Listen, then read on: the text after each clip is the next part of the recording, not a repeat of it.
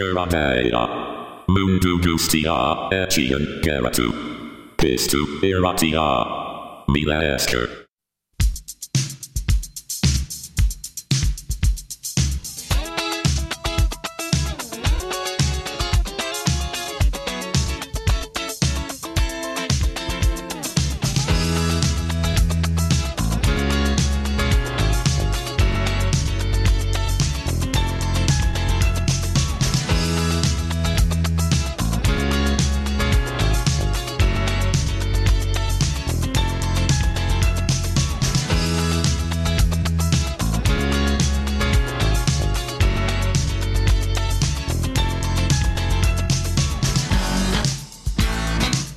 Kaixo guztioi, ze modu zaudeten?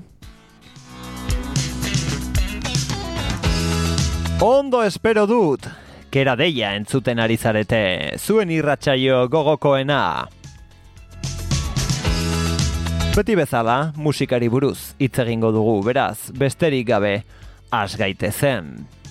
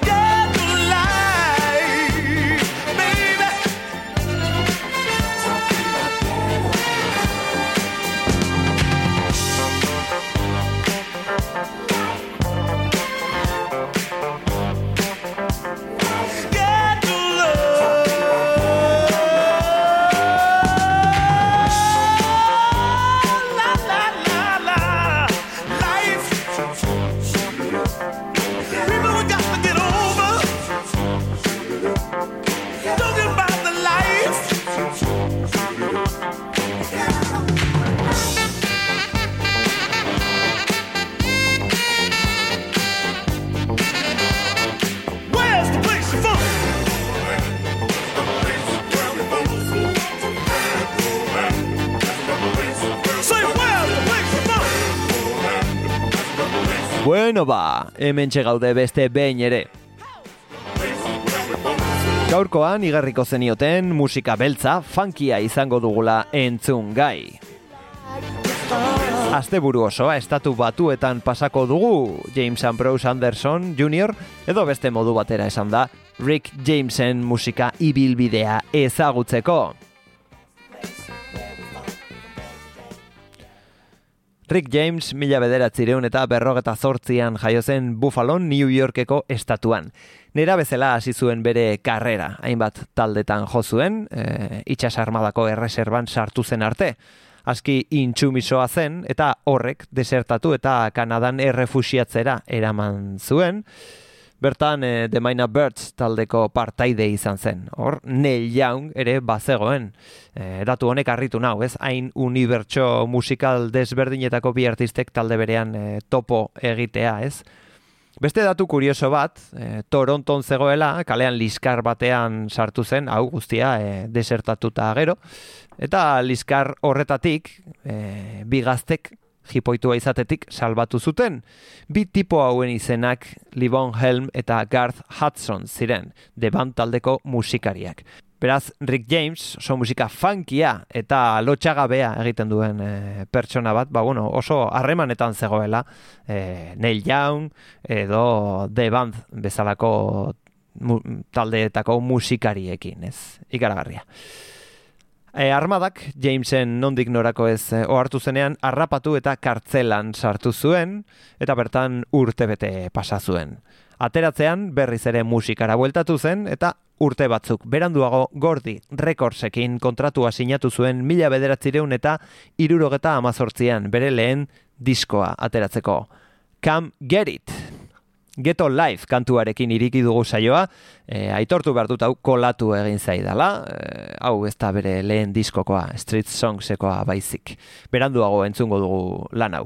Goazen bada Rick Jamesen lehen lan honekin, Come Get It, mila bederatzireun eta irurogeta amazortzikoa.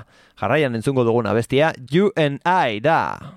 Igo volumena, hau da Rick James.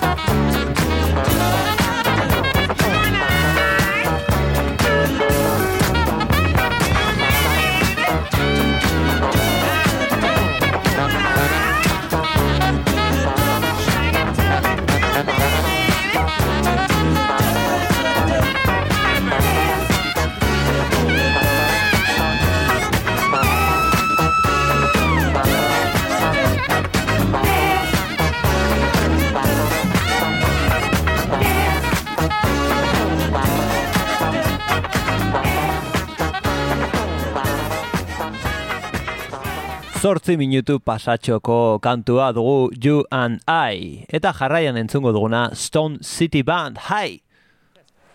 One, two, testing. Okay, we're ready. Well, all right, you freaks. Get ready to jump on it, because here he is. Mr. Punk Rock, Rick James, and the Stone City Band!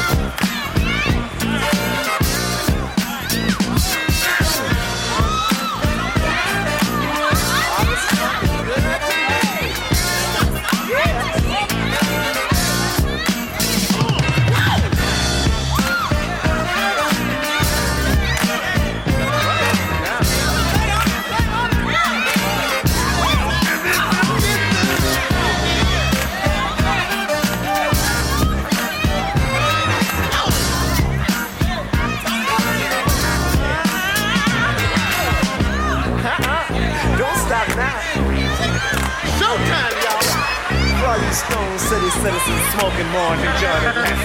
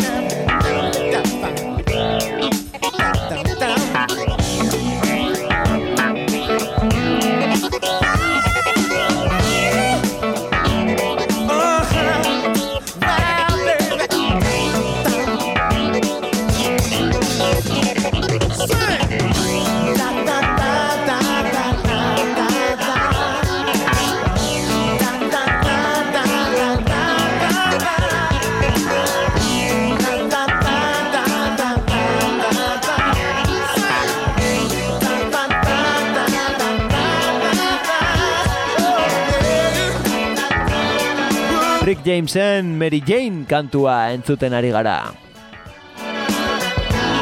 Bere bakarkako debut lanean Camp Geriten aurkituko duguna. Baita GTA Vice City bideoioko historikoan. GTAren saga luzeko atal guztietan entzungo dugu Jamesen abestiren bat. Eta lehen disko hau atzean utzi eta urrengoari ekingo diogu. Mila bederatzireun eta irurogeta emberetzian atera zuen Busting Out of L7. Eta, bueno, hemen txea aurkituko dugu Busting Out abestia. Honela dio! Well, all right, you squares, it's time you smoked. Fire up this funk and let's have a toke. It'll make you dance or some of everything.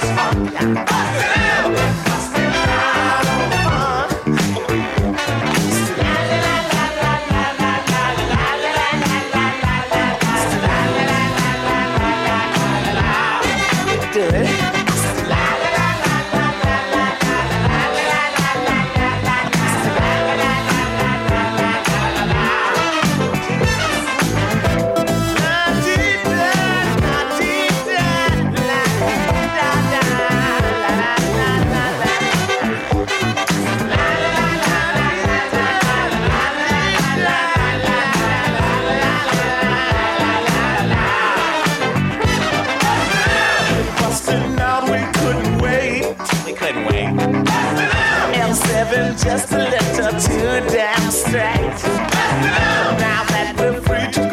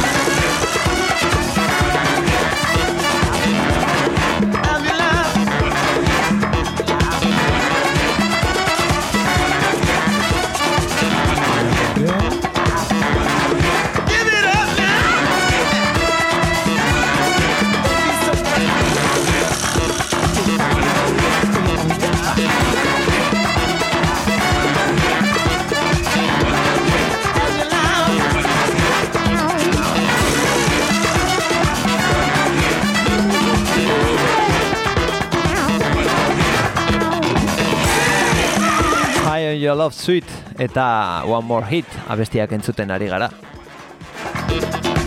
Abesti bikoitza da, eh, bata bestearen atzetik, medley antzeko bat. Oso itxura estrabagantea zuen Rick Jamesek, iztarretarainoko txarolezko bota gorriak, larruzko galtzak eta txupa, e, purpurina eta abarrez. Lujuria eta aragikeria goraipatzen zuen etengabe. Bai bere bizitzan eta baita bere abestietan ere.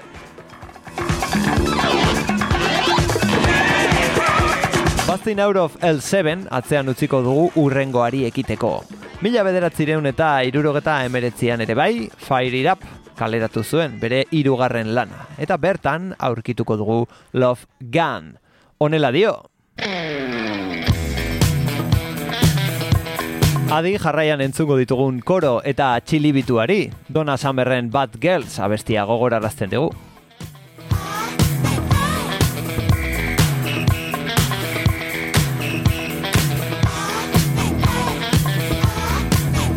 Bi abestiak urte berekoak dira.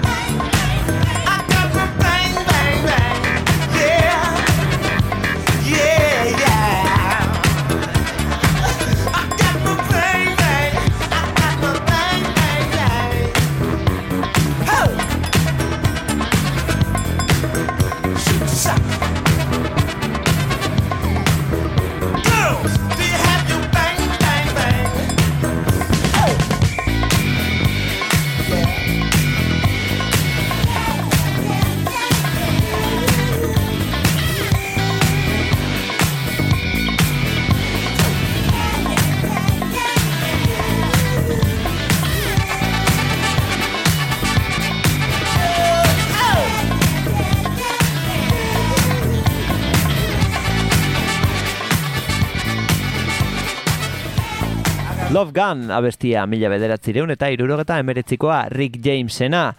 Hasieran aipatu dugu horrelako antzekotasun bat dagoela Donna Summerren Bad Girls abestiarekin. E, kontua da, ba, bueno, horre moldaketa bat entzuten dela Love Gun abestian, ahots eta txilibituaren artean, ez? Eta begira, orain atzean entzuten dugun abesti honetan ere elementu berdinak ditugu. Hemen Donna Summerren bertsioa,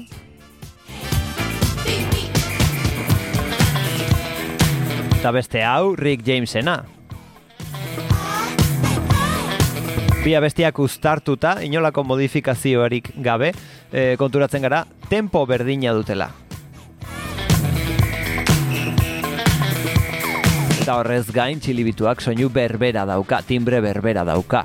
Horre kointzidentzia asko daude, kasualitate asko. Baina jarrai dezagun aurrera, urrengo abestiaren izena Come Into My Life da. Honela dio.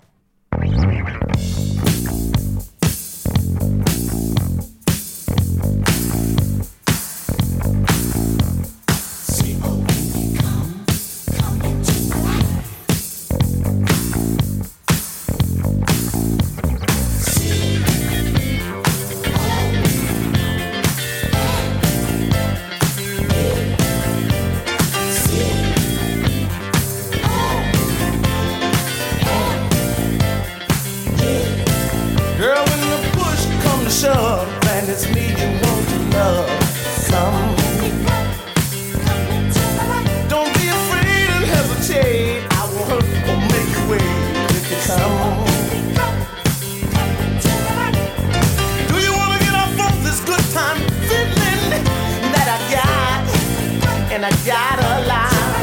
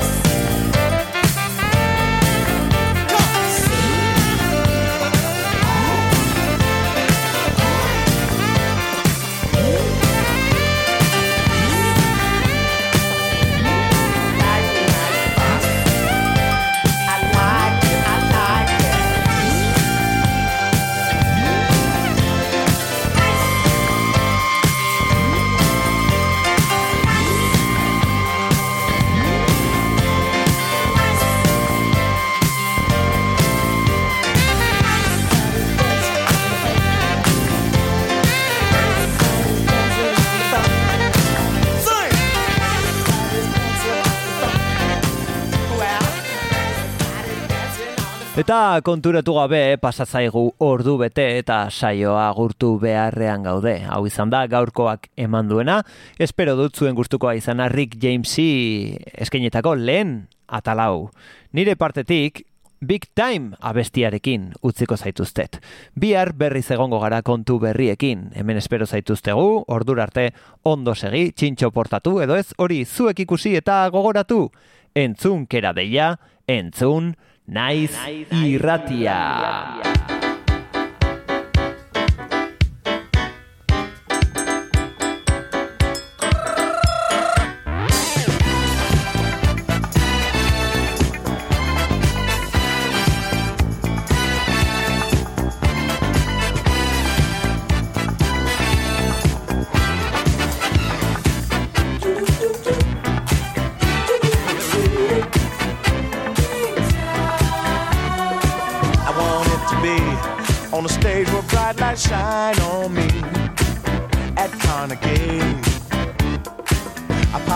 my act, knew the crowd could see I had the knack, and that's a fact.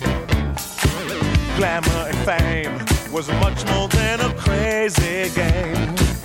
I had to play, and now I got my wish. I don't know if I can handle it but I think I'm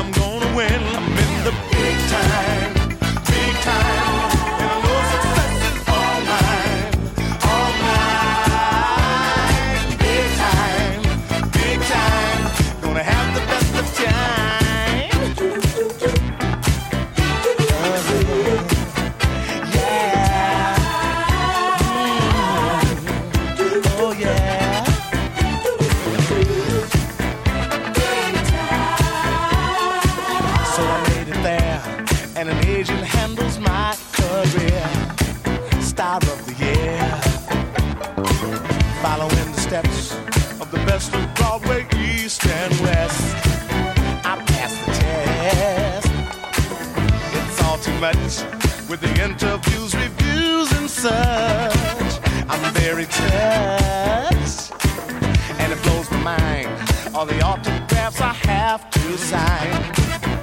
When there's so little time, I'm in the big time, big time,